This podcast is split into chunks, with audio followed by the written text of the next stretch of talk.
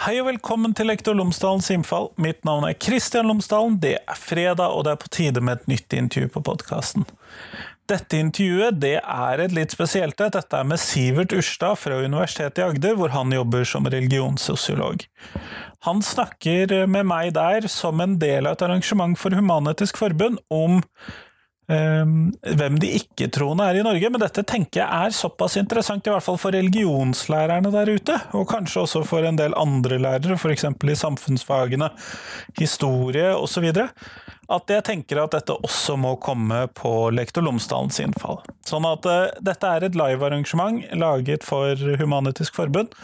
Men det er jeg som står for intervjuet, og det er laget litt i hva skal vi kalle det, tradisjonen til denne podkasten, sånn at uh, det passer inn også her. Så du får intervju med Sivert Urstad etter denne lille reklamen, som selvfølgelig igjen er for Cappelen Dam Undervisning, som sponser podkasten. Og hvis du går inn på tverrfaglig.cdu.no, så finner du alle de undervisningsoppleggene og ressursene som Cappelen Dam har laget i forbindelse med de tverrfaglige temaene i videregående skole. Blant annet om polarisering, presidentvalg og kuppforsøk, Nobels fredspris, eller hvordan jobbe med tverrfaglighet i videregående skole. Men det finner du på tverrfaglig.cdu.no. Ellers, her er intervjuet med Sivert, vær så god.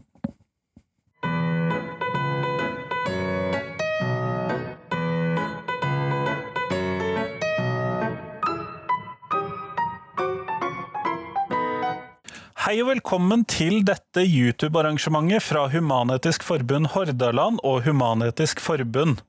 Eh, I dag så er jeg så heldig at jeg har med meg Sivert Skålvold Urstad fra Universitetet i Agder. God dag, Sivert. God dag, Kristian. Hyggelig å kunne være her. Før vi starter selve samtalen, så hadde jeg håpet at du kunne fortelle de som ser og hører på, tre ting om deg, sånn at de kan vite hvem du er. Ja, jeg er utdannet eh, sosiolog. Jobber som førsteamanuensis i sosiologi ved Universitetet i Agder, eh, hvor jeg eh, både forsker og driver med undervisning på både sosiologistudiet og også på lektorstudiet i samfunnsfag.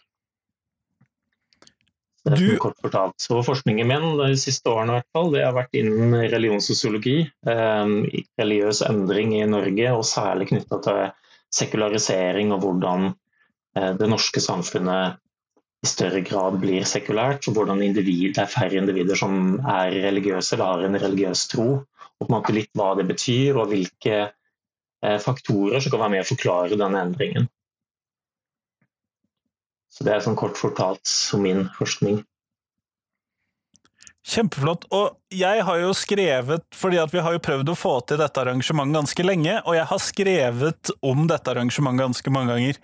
Og jeg tar meg selv hele tiden i å skrive de ikke-troende i Norge hver gang jeg skriver dette arrangementet ut, og det gjorde jeg senest i går når jeg skulle eh, gjøre noe forarbeid her. Og, men du bruker begrepet ikke-religiøse. Hvor ligger forskjellene i begrepene her? Altså, det er nok egentlig ikke sånn veldig stor forskjeller, men jeg bruker ikke-religiøse litt bevisst, så er det av to, eh, to, årsaker til det. Det første er at det spiller veldig på det, British, altså det engelske begrepet non-religious, eller non-religion, som har blitt et veldig stort forskningsfelt utover 2000-tallet. Og det har gitt eh, veldig mange publikasjoner, og vært veldig mye sånn, eller det har gått fra å være en liten margin innen eh, religionssosiologien til å bli et ganske stort område. Så Det er liksom for å hekte seg på det. Og det andre det er at religiøsitetsbegrepet er et eh, ganske sånn omfattende begrep. Um, som ikke nødvendigvis utelukkende bare handler om tro. Det handler, kan også handle om hverdagspraksis eller religiøs praksis. hvordan vi, altså Religion kan være en del av det levde livet. Um, så Derfor er det en sånn måte å bare ikke si bare rent at religiøsitet handler om det kognitive troen, men at det er noe mer. Altså det er det, hvordan vi erfarer og lever livene våre. Så, så den, to, ja. så den ikke-troende kan kanskje bli litt sånn luthersk, da, i en forstand? Ja, det er det. Det er jo um, flere som kritiserer eller sånn, i sagt, klassisk religionssosiologi for å være nettopp en sånn protestantisk eh, rettet eh, disiplin som fokuserer veldig mye på nettopp det trosaspektet og fjerner seg mye mer fra eh, det praksisorienterte, som jo er en veldig stor del av veldig mange religioner. Eh, så Derfor er det liksom liksom viktig å være presis på det, men også ikke-troende er jo ikke feil. Det er bare litt mer sånn eh, ja, for å være presis innenfor feltet.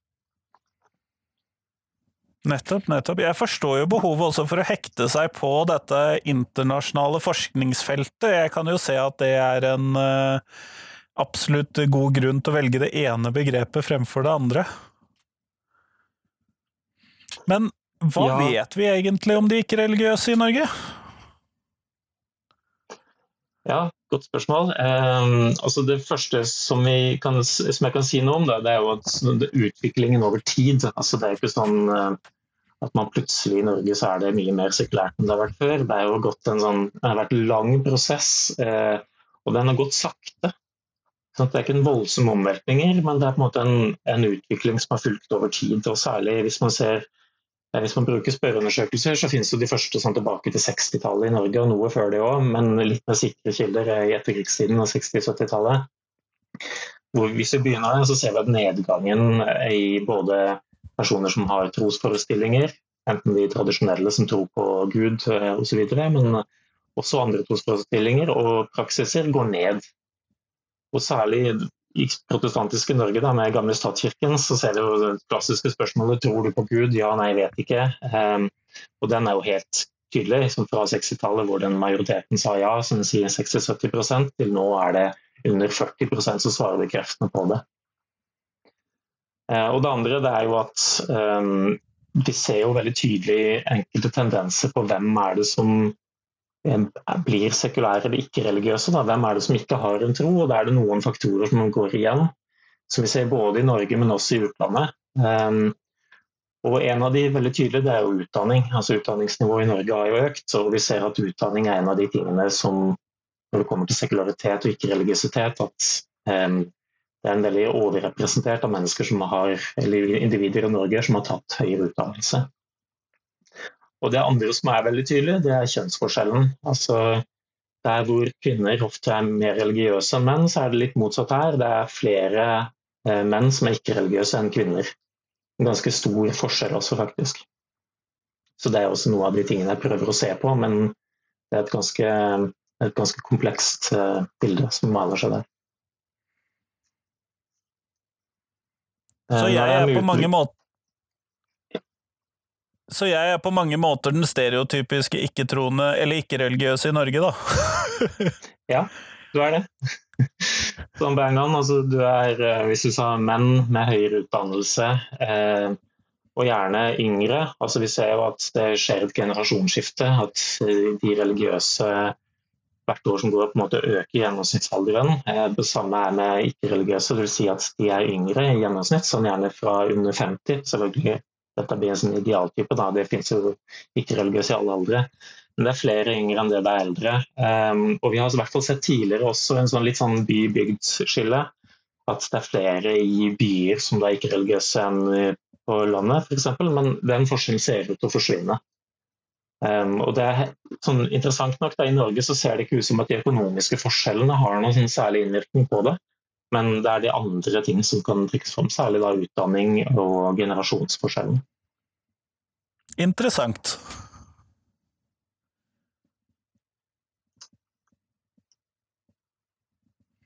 Men Sivert, når du da ser på disse tingene, og så ser vi jo da f.eks. Human-Etisk Forbund som hva skal vi kalle den fremste ikke-religiøse organisasjonen i Norge, den har 1-2% av medlemmene eller av befolkningen, er medlemmer.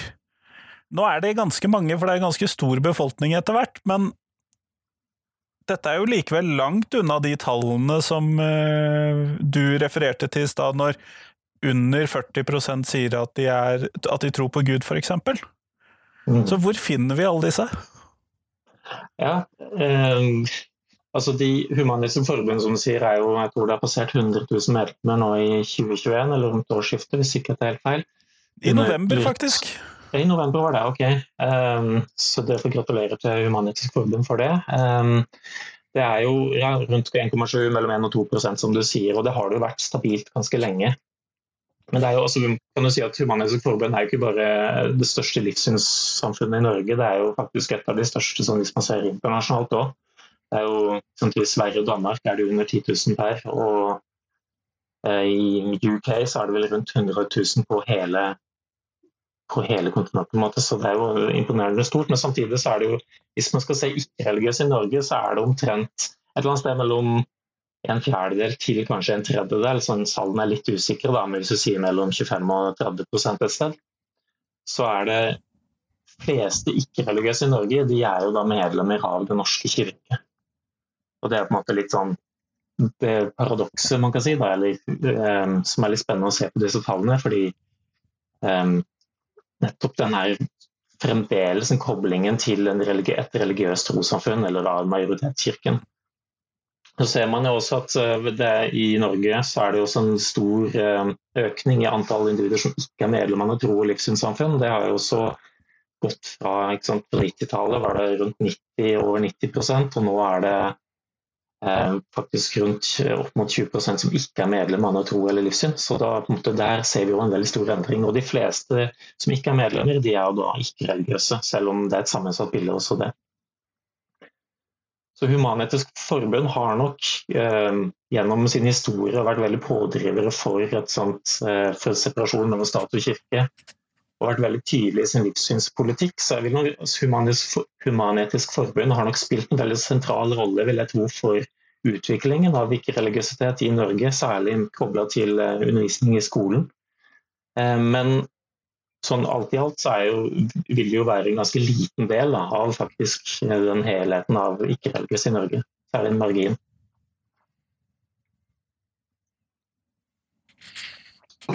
Nettopp sånn at, Og det er jo det, det, høres ut som et litt særnorsk fenomen, men det er det kanskje ikke?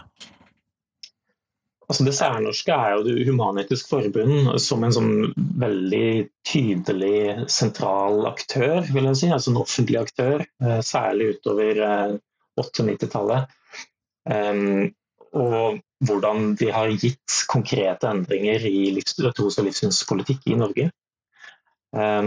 Men samtidig så er det ikke særnorsk at veldig mange av ikke-religiøse er medlemmer av et trossamfunn eller har en eller annen tilknytning. Det er det ikke. Eh, det ser man jo også i utlandet.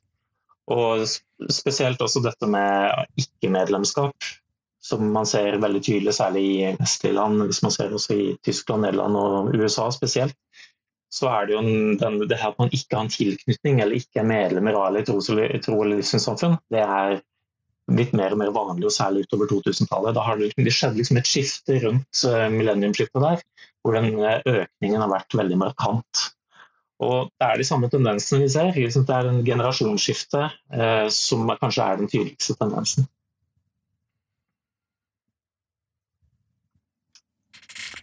Det er jo litt interessant. Ellers så vil vi vel kanskje finne i en del land at det er litt uvanlig i det hele tatt å være medlem av noe sted. Altså det der formelle medlemskapet, denne registreringen som vi gjør i Norge, den er vel kanskje litt rar i seg sjøl? ja, ja, det er jo en særnorsk ordning med tilskuddsordningen eh, i tro- og livssynssamfunn, selvfølgelig. Så vi er jo på en måte litt sånn unik situasjon at vi har jo kan jo tallfeste ting pga. tilskuddet. At det skal være en sånn kontroll på medlemmene eh, i den grad det går. at vi dermed kan se liksom, ulike medlemskapskategorier opp mot hverandre. Så sånn sett er det jo en veldig, eh, veldig særegent at vi kan bruke medlemskapsordningen. Men eh, internasjonalt bruker man jo tilknytning. altså I utlandet er det en større grad at man er tilknyttet eller har en annen familiær eller et sosialt nettverksforhold til um, som er, dreier seg rundt eller er i forbindelse med et uh, trossamfunn. Sånn, særlig som man ser i USA, så er det med community. Um, veldig mye mer vanlig. Det man ser eh, i innordning i det sosiale enn i Norge, f.eks. Så det er, ja, særnorske det er nok det humanetikerne, og så har du på en måte tendensen Det følger veldig resten av Vesten, vil jeg si, og for så vidt utenfor Vesten òg. Dette med det å ikke ha en tilknytning eller føle en tilhørighet til særlig verdensreligioner. Det ser man også bl.a. i Latin- Latin-Amerika, Sør-Amerika. Vi ser også tendenser i eh, deler av Afrika, også i Asia. Så det er ikke bare i Vesten dette her skjer, men det er jo der det finnes mest forskning og data. Nettopp, nettopp. Eh, men når du da forsker på dette, og du har jo forsket på dette som en del av doktoravhandlingen din osv., hvilke ulike sider ved norsk ikke-religiøsitet er det du har sett på? Jeg, sett, jeg begynte måte, i doktorgraden min å se bruke dette medlemskapskategorien. Særlig det var det, det, som var litt sånn i vinden med å se på bruke det, og se hva er det på en måte som har skjedd i Norge utviklingen over tid. Og særlig det her skiftet som vi også ser at eh, andelen som ikke er medlemmer i noe trossamfunn har økt og eh, såpass kraftig de siste årene. Så har det vært, tenkte jeg sånn, ok, men hva er dette et uttrykk for, og hvem er det som faktisk velger å ikke være medlem i noe? Så da gikk jeg på en måte inn og så på eh, sånn, det sosiale segmentet som bakgrunnsvariabler. Eh, hvordan er det de som ikke er medlemmer av noe, skiller seg i forhold til de som da er medlemmer i et tros- trossamfunn, og hvordan er det bl.a. de skiller seg fra de medlemmer i Humanitisk Forbund. Så jeg bruker jo veldig ofte i forskningen min nettopp Humanitisk Forbund til å være et sånt ytterpunkt, og så har du på en måte medlemmene på den annen side. Um, så blir det sånn, bruker det som en kontrast da, på mange måter. Um, og det jeg finner, da, eller fant i den, den, delen av forskningen min, det er jo at ikke, de som ikke er medlem av noe tros- og livssynssamfunn, de befinner seg et eller annet sted i en mellomposisjon, hvor det er Humanitisk Forbund på den ene siden og de som er medlemmer av trossamfunn på den andre. Og litt det samme som jeg snakket om i sted, dette med vi ser alder. Sånn det er sånn tydelig yngre mennesker som ikke er medlemmer. Altså de har sannsynligvis flere av dem ikke i det hele tatt blitt døpt og mange av dem har jo også vært støpt, men meldt seg ut. Altså vært et tydeligere skille der. Um, hvor humanetikerne har jo veldig gjerne tatt et veldig klart skille, veldig mange. ikke sant, Meldt seg aktivt ut, og ikke bare det, men de melder seg inn i et annet, altså et livssynssamfunn. Som da sant, også har en kontingent, så det er noe annet enn å bare ikke være medlem av noe. Så det, det selvfølgelig det er en forskjell her.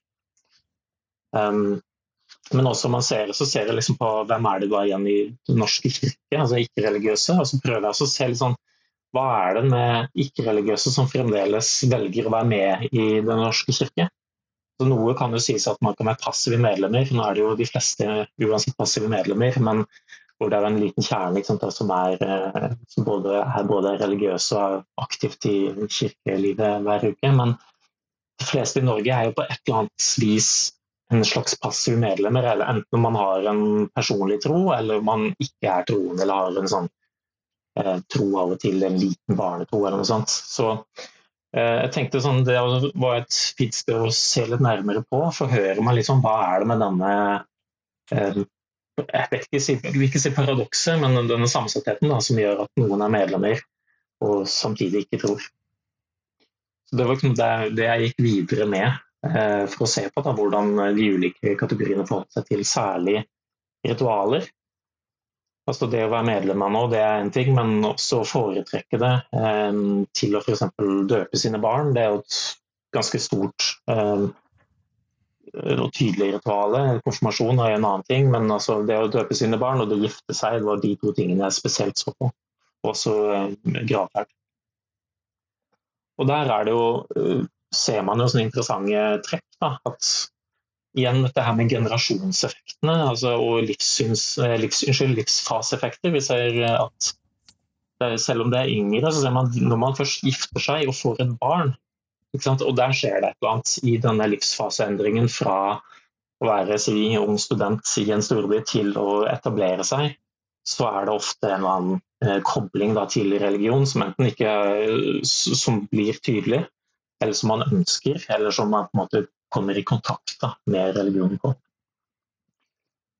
Og da er det enten, si, enten, gjennom egen familie, eller at man, den personen man da f.eks. skal gifte seg med, har en tilknytning til et sted, eller en um, religiøs tilknytning som man da går inn i eller respekterer. Fordi at man da gifter seg i kirken, eller døpe barna. Vi ser jo da at rundt halvparten av alle barn i Norge blir jo fremdeles døpt, for eksempel. Mm. Det er jo flere enn de som sier at de tror. Ja, det er jo altså det, De som svarer helt bekreftende og tror på Gud, det er jo rundt 40% eller rett i underkant av 40% Så har du rundt 20% på toppen der som sier de ikke tror på Gud, men en høyere makt av noe slag. Så det er jo si, rundt halvparten da, som uansett er troende av en eller annen slag. Men ja, det er det. Um, og jeg tror nok at tradisjonsbegrepet er ganske sentralt til å forstå noe av dette her. Hvordan vi bruker tradisjon, og hvordan vi forstår tradisjon i våre liv og i forbindelse med vår familie. At tradisjonsfølelsen og koblingen til å få med, samle folk um, er et, et, tror jeg da, er et nøkkelbegrep til å forstå dette på. Og jeg har gjort intervjuer med flere ikke-religiøse i forbindelse med å spørre, har spurt liksom, hvorfor du et, hadde du et ønske om å døpe dine barn, og hvorfor giftet du deg i kirken. Og da var jo nettopp dette her tradisjonsaspektet var vel en av de mest tydelige et av de mest tydelige temaene som gikk igjen. At hvordan man ser verdien i at um, at selve ritualet har vært en del av familien, eller vært en del av eh, historien til familien i kanskje noen ganger og flere, i flere generasjoner. Og veldig mange sa, har la veldig vekt på dette med det spesifikke kirkebygget eller spesifikke med presten. altså Det relasjonelle der var en sånn sentral del. Å være en del av som jeg sa, noen av informantene som trakk fram dette med å være en del av en historie, være en del av historie gjøre de samme tingene som de forfedre. Det var på en måte en slags at man koblet seg tettere på eh, både sine foreldre og besteforeldre, men også tidligere generasjoner. Eh, dette høres jo egentlig litt eh, katolsk ut, da, hvis jeg skal prøve å forklare hvordan jeg tenker på dette. fordi at for meg som humanetiker, og det jeg har sett opp gjennom tidene av en del sånn humanetisk eh, forståelse og kritikk av religiøse fenomener og en del type ting, så handler det veldig ofte om en sånn trosaspekt. Altså, jeg tror ikke, ergo kan jeg ikke være medlem der, eller hvis ikke du tror, hvorfor er du da medlem av dette? Men den katolske kirken har jo oftere fokusert mer på tradisjoner og på det sosiale fellesskapet enn på denne trosaspektet enn den lutherske kirken. Så for min del, det du forklarer her nå, det høres litt sånn katolsk ut i mine ører. ja, kanskje. Jeg har aldri tenkt den koblingen før med det katolske, men, men altså det, Ja, jeg må nesten tenke litt på det. Altså, for det som det er litt sjablongaktig, jeg vet det. nei, nei, nei, men jeg synes det var en interessant, det var en interessant tanke. Um, som man kan jobbe litt videre med, da, for så vidt, eller tenke litt videre med. Um, jeg tenker Det jo, kunne også vært interessant å ha hørt med katolske personer som da sånn, ser litt mye ulike religioner, og hvorfor de velger å gjøre det. Jeg har jo stort sett uh, fokusert på um, statskirken, eller ikke, ulike kristne, ikke bare riktignok, men det er et eller annet Primært statskirken? Primært statskirke, men også for så vidt andre trossamfunn, også bl.a. Eh, muslimske og eh, andre, ikke, andre kristne utenfor Den norske kirke. Um, men å høre på, på begrunnelsen, ja, tror jeg og den, altså En interessant ting i hvert fall med de ikke-religiøse, det er jo hvordan tradisjonen er på en måte strippet fra religion på en eller annen måte. Altså, du, ikke, altså, ritualet i seg selv og personen som, eh, som formidler det, er jo da en religiøs person, formodentlig. Men de som da tar del i det, tenker kanskje ikke på det som religiøst ritual. Det er religion, men det, er en tradisjon. Altså hvordan man eh, Hva man vektlegger i det. Så det vet jeg ikke. Kanskje det er mer likt det katolske. Jeg vet ikke om du har noe mer innspill på det. Eh, Nei, det har jeg ikke. Det er rett og slett bare sånn eh, Den lutherske eh, kulturbakgrunnen min tilsier jo det at religion, det er tro. Det er ikke nødvendigvis hva du gjør, men det er jo tro. Eller da, i mitt tilfelle nå, ikke tro. Ja, ja riktig. Ja da, og jeg tror nok det er jo også en del av det som min forskning og det som vi diskuterer her nå, har nok en veldig stor altså Vi er en del av en kulturarv her som er, hvor det lutherske har vært veldig, veldig tydelig, så, så, det er nok en preget av det. Um, men å kunne se det i forbindelse med andre, andre, religioner og andre måter å gjøre ting på, tror jeg kunne vært nyttig. Jeg får ta notere meg det bak øret til, til videre studier. Ja, og vi skal komme litt tilbake til videre studier eh, litt senere i samtalen, men jeg har av og til sagt det at medlemskap i tros- og livssynssamfunn, det er litt for de spesielt interesserte av oss. Så har man jo da eh, Norske kirke som hva skal vi kalle en litt sånn Det ødelegger litt den eh, påstanden, men så kan jo jeg som humanetiker argumentere for at det kan kanskje ha noe med hvordan blir folk medlem av Den norske kirke. Så kan jeg argumentere for det, men når jeg da sier at det er litt for litt spesielt interesserte, er det noe du finner igjen i det du, når du har sett på de ikke-religiøse? Ja, både òg. Altså, jeg tenker uh, Human-Etisk Forbund, du har helt rett. Eh, samme som det norske altså Hedningssamfunnet også. Uh, personer som da aktivt melder seg ut av noe eller går inn i noe. Der har du jo på en måte et, et skille. Og der ser jeg jo det er et markant skille på veldig mange områder. Mens uh, det man har den, på en måte den, Om man da fremdeles velger det helt aktivt eller er en sånn passivt medlem, da, det trenger jo ikke nødvendigvis å ha noe med interesse å gjøre, som du sier. Um, mange er jo medlemmer av Den norske kirke fordi de ble døpt inn i det. Men samtidig så har de jo heller ikke meldt seg ut. Det er med det er, det er, jo veldig enkelt å melde seg ut. Man kan gå inn og logge seg inn med bank-ID og så trykke på en knapp, og så er man da ikke meldt, eh, så er man da meldt ut. Så jeg tror nok veldig mange som er medlemmer, og selv om de ikke tror på det, har en grunn til å være det. Og så er det nok også litt som du sier, et slags uh, hvis jeg kan tolke det, kulturelt etterslep. Særlig med den generasjonsendringen at når gjennomsnittsalderen i Den norske kirke øker omtrent med ett år per år, så sier det selvfølgelig selv at hvis man da ikke får inn veldig mange nye, um, nye medlemmer, så vil det på et eller annet tidspunkt komme som breaking point. Sånn at, at andelen som melder seg inn er så mye lavere enn andelen som da faller fra, enten pga. Pga. at de går bort eller eh, melder seg ut. Så at Den norske kirke kommer til å reduseres ganske kraftig. Men det vet man jo ikke, fordi som du sier, veldig mange er medlemmer. Mens for humanetikere så er det jo veldig sånn, tydelige skiller på altså Det er en veldig sånn, klar kategori med disse, hvis man ser det sosiale segmentet. Da, at eh, det er veldig mange flere som har høyere utdannelse enn ikke-religiøse i de andre kategoriene. Det er eh, veldig sånn, klar, litt mer eh, sånn etiske spørsmål, eller særlig knytta til holdninger til religioner òg, ser vi at eh, Human-Etisk Forbund har eh, er litt mer hva kan jeg si, mindre kritiske til ulike religioner enn det vi finner i andre medlemskapskategorier. Mindre kritisk, sa du? Ja, mindre kritisk. Men det er jo, jeg skjønner jo det er litt ironisk for en humanisk forbund, så vidt jeg skjønner. Det er på en måte litt mer hatt en liksom dobbelthet i det. På den ene siden religionskritikk, og på den andre siden ikke sant, en human etikk. Uh, her kan jo du rette meg hvis jeg tar feil her, men vel, jeg vil tippe at det nok er internt i Humanisk Forbund nå en sånn, sånn indre disputt om man skal drive med sånn dialog kontra kritikk. Og det er det. Helt klart. uh... Kanskje særlig på blant de som har verv og sånn, så ser du det, men i medlemsbasen så er man tydelig på at religionskritikk ikke kommer så høyt opp på um, listen over ting man eh, skal prioritere. Ok, nettopp. Det er jo interessant. Skulle gjerne sett litt nøye på de tallene, så får sende noe lenker etterpå.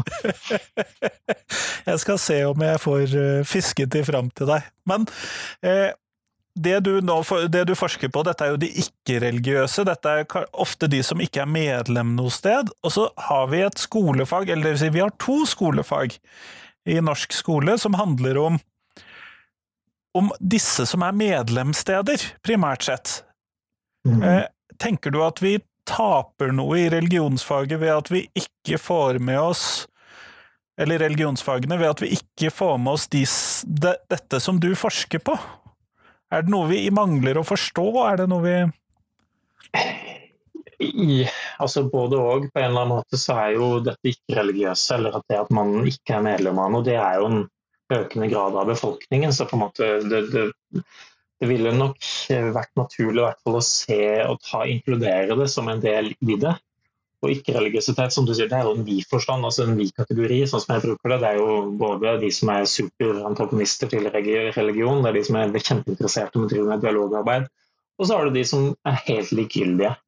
Sånn, som ikke tror på noe. Det er, det er så fjernt fra deres livsverden at ja, du cares, liksom. Det er ikke noe Altså hva skal man kalle det? Altså, det er også en del, en del av bildet. Um, så selvfølgelig, jeg tenker at som en del av et fag som skal snakke om religion religiøsitet, så er det jo også fint å ikke bare ha med det som du sier, eh, medlemskapsperspektivet, men også det utenfor eh, de som ikke er medlemmer, og også ikke minst at man kan eh, snakke om etikk og moral også uten å forankre det i religiøse, et religiøst utgangspunkt. Da. Og det er jo et vil jeg, si, vil jeg også tro at noe humanisk Forbund har vært eh, altså, kjempet fram.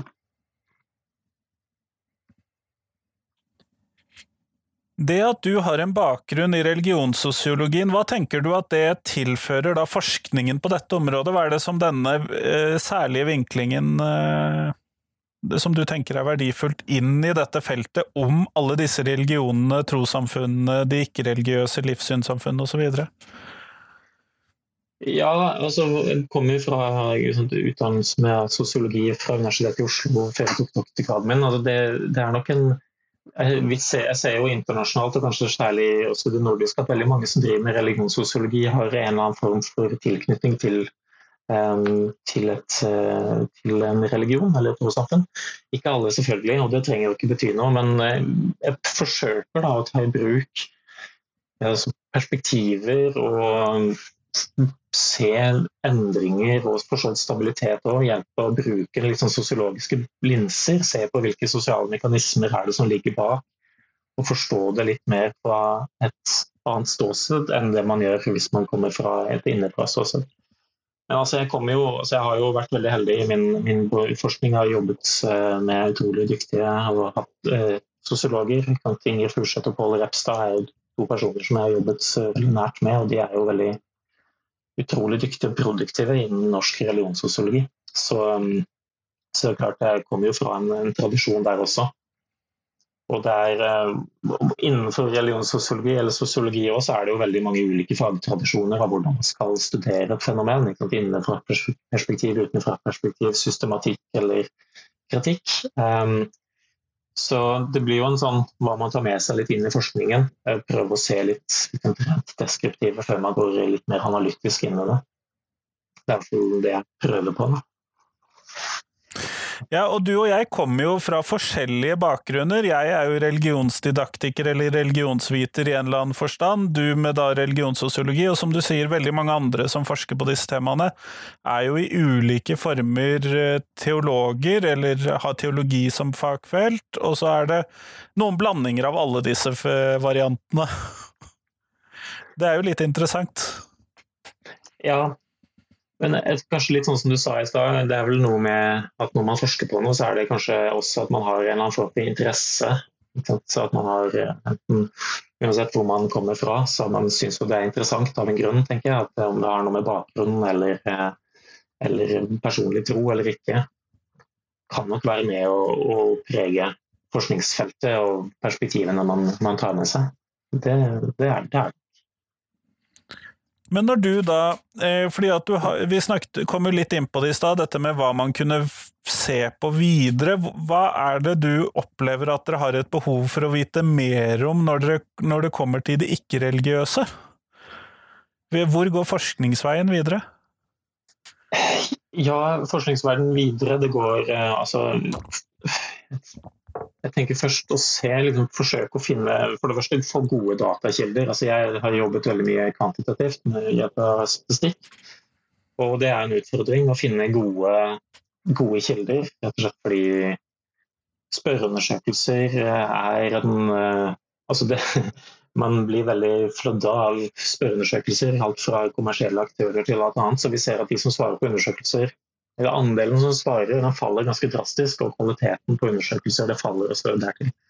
Så det å finne gode datamaterialer og kunne på en måte ha gode studier på ikke-religiøsitet, bl.a. å se på liksom, holdninger, bakgrunner, for å prøve å finne ut av liksom, hvor, om det har noe med Eller hvor disse endringene spiller seg ut fra. Det, det, ja, det er en utfordring som vi ser, da, rett og slett. Og det er noe jeg forsøker å jobbe litt med, og finne datakilder og dermed kunne se på ulike sider ved det. Samtidig er det også et behov rett og slett for å gjøre kvalitative intervjuer. Forstå, forstå, hva er dette et uttrykk for, Hvordan, hvor er det menneskene kommer fra, hvilke vurderinger er det som er gjort. Hvordan er det ikke-religiøse forholder seg til religion? Og på den annen side, hvordan er det religiøse forholder seg altså til ikke-religiøse? Altså et eller annet med å se se samspillet og forståelsene av de ulike religionene gjennom linsene til, eh, til ulike kategorier, bl.a. ikke-religiøse. Så det er noe jeg jobber videre med. Og skal fortsette med dette med også med dette med eh, religiøse ritualer. Jeg skal bl.a. gå litt nærmere, forhåpentligvis, litt uvisst nå med disse covid-tider, men med humanetiske ritualer, også, også begravelser. Kjempeflott. Eller humanistiske, unnskyld. Ja. ja. jeg tenkte jeg ikke skulle arrestere deg på det. Eh, men det, med tanke på det at denne gruppen ikke-religiøse da øker, det er jo den gruppen som kanskje man ser øker mest eh, i øyeblikket, så ser det jo ikke ut som du blir arbeidsledig med det første, da? Nei, det er nok ja, det er den, eh, det er den kategorien som øker mest.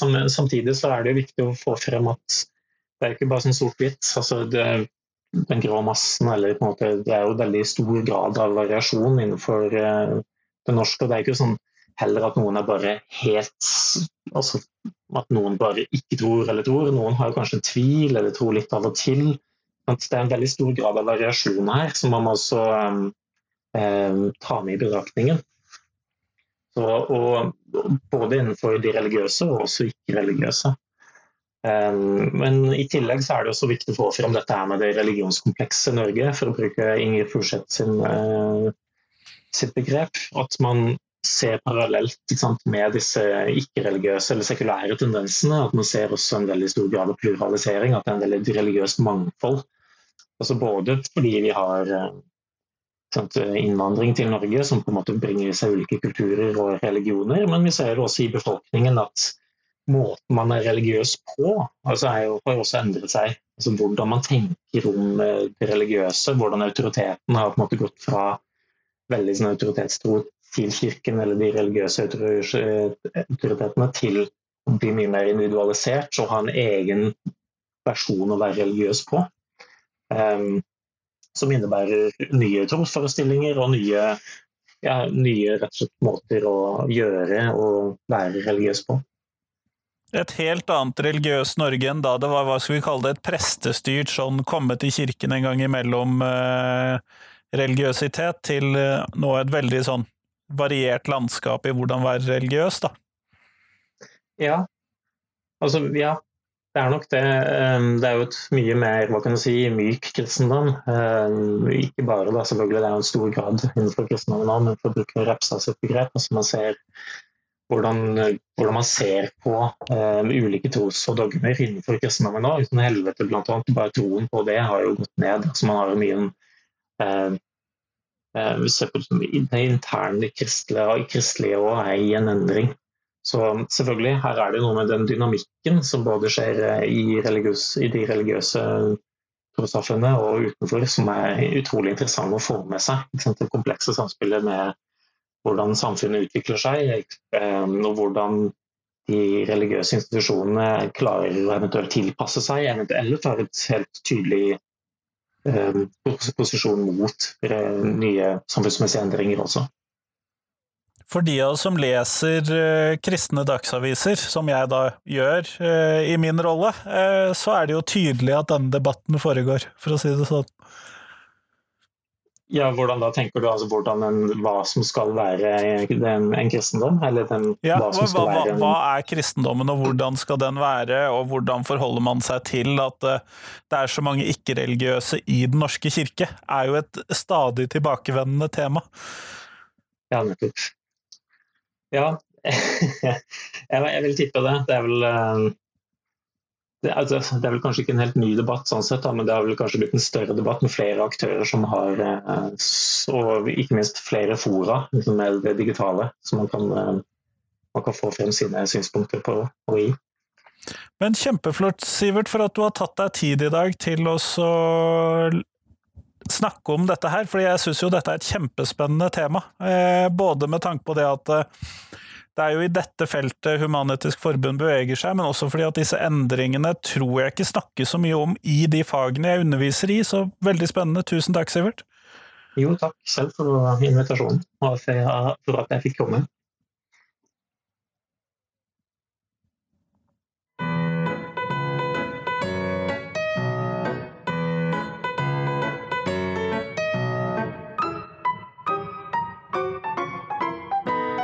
Tusen takk til Sivert, og tusen takk til deg som hørte på. Nå er det Vel, det kommer en ekstraepisode på podkasten i morgen. Så satser jeg på at du syns det er interessant. Det handler selvfølgelig om eh, fullføringsreformen. Uh, og så satser vi på at verden roer seg litt etter hvert, men foreløpig så blir det litt ekstraepisoder. Det har du sikkert fått med deg. Men jeg satser på at uh, du tar vare på deg selv og hører på de podkastepisodene som er interessante for deg, og ikke de som uh, nødvendigvis er interessante for meg. Fordi at jeg lager for mange podkastepisoder til at jeg tror at noen hører på alle sammen. Send meg gjerne en melding hvis du faktisk hører på alle sammen. Jeg vil synes det er utrolig gøy hvis det er noen som gjør det. Men ha en fin helg. Hei, hei!